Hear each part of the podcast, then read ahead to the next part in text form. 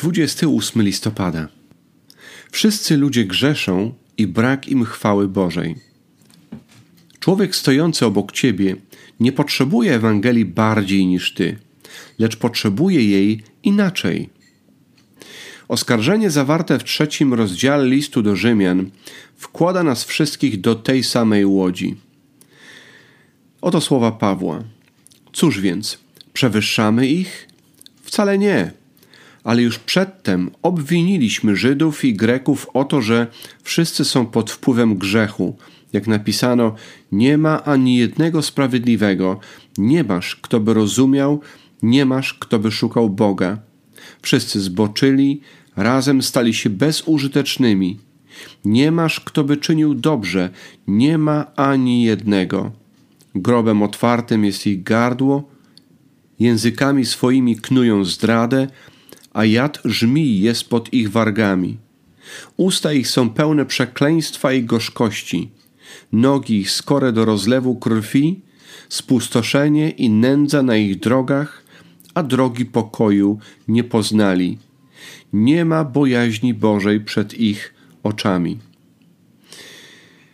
Tak, wszyscy jesteśmy grzesznikami, wszyscy jesteśmy w tym samym strasznym stanie.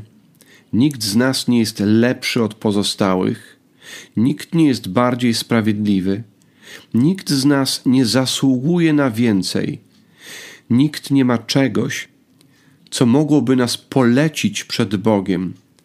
Wszyscy potrzebujemy ratunku z mrocznego buntu znajdującego się w naszych sercach. Jest dla nas wszystkich tylko jedna nadzieja niezwykła, przebaczająca, ratująca, przemieniająca oraz uwalniająca łaska Jezusa. Problem polega na tym, że często tak tego nie widzimy. Elementem zaślepienia przez grzech jest nasza tendencja, by bardziej irytować się i martwić o grzech innych niż nasz własny. Jako, że jesteśmy ślepi na własne winy, a nasze oczy są szeroko otwarte na grzechy bliźnich, zwykle postrzegamy ich jako większych grzeszników. A kiedy już zaczniemy porównywać się z innymi, prawie zawsze dochodzimy do wniosku, że jesteśmy bardziej sprawiedliwi i zaczynamy minimalizować własną potrzebę łaski. W ten sposób fałszywe duchowe porównania stawiają nas w sytuacji zagrożenia. Sprawiają, że uważamy się za lepszych i osłabiają postanowienia, by szukać łaski i radować się nią.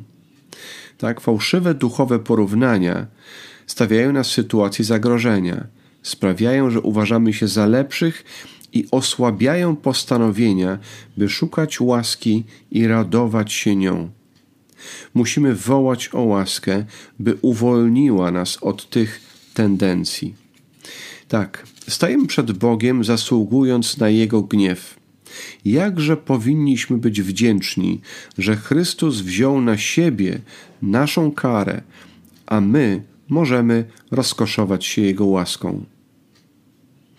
Efezjan czwarty rozdział, 17 wiersz. To więc mówię i nalegam w Panu, abyście już nie postępowali tak, jak postępują poganie, próżni w swoich dążeniach, pokrętni w swoich pomysłach, dalecy od życia Bożego przez nieświadomość, która ich zaślepia i przez niewrażliwość ich serca. Wyzbyli się oni uczuć i chciwie gonią za rozpustą oraz wszelką nieczystością. Wy jednak nie tak nauczyliście się Chrystusa, bo przecież to Jego usłyszeliście i w Nim was pouczono, jako że prawda jest w Jezusie. Wiecie, że macie zedrzeć z siebie starego człowieka, który hołdował dawnemu sposobowi życia i którego zniszczyły zwodnicze żądze. Zamiast tego macie poddawać się odnowie w duchu waszego umysłu i oblec się w nowego człowieka, stworzonego według Boga, w sprawiedliwości i świętości prawdy. Jeszcze raz motto dzisiejsze. Człowiek stojący obok ciebie nie potrzebuje Ewangelii bardziej niż ty, lecz potrzebuje jej inaczej. Ale potrzebujemy jej wszyscy. Pozdrawiam.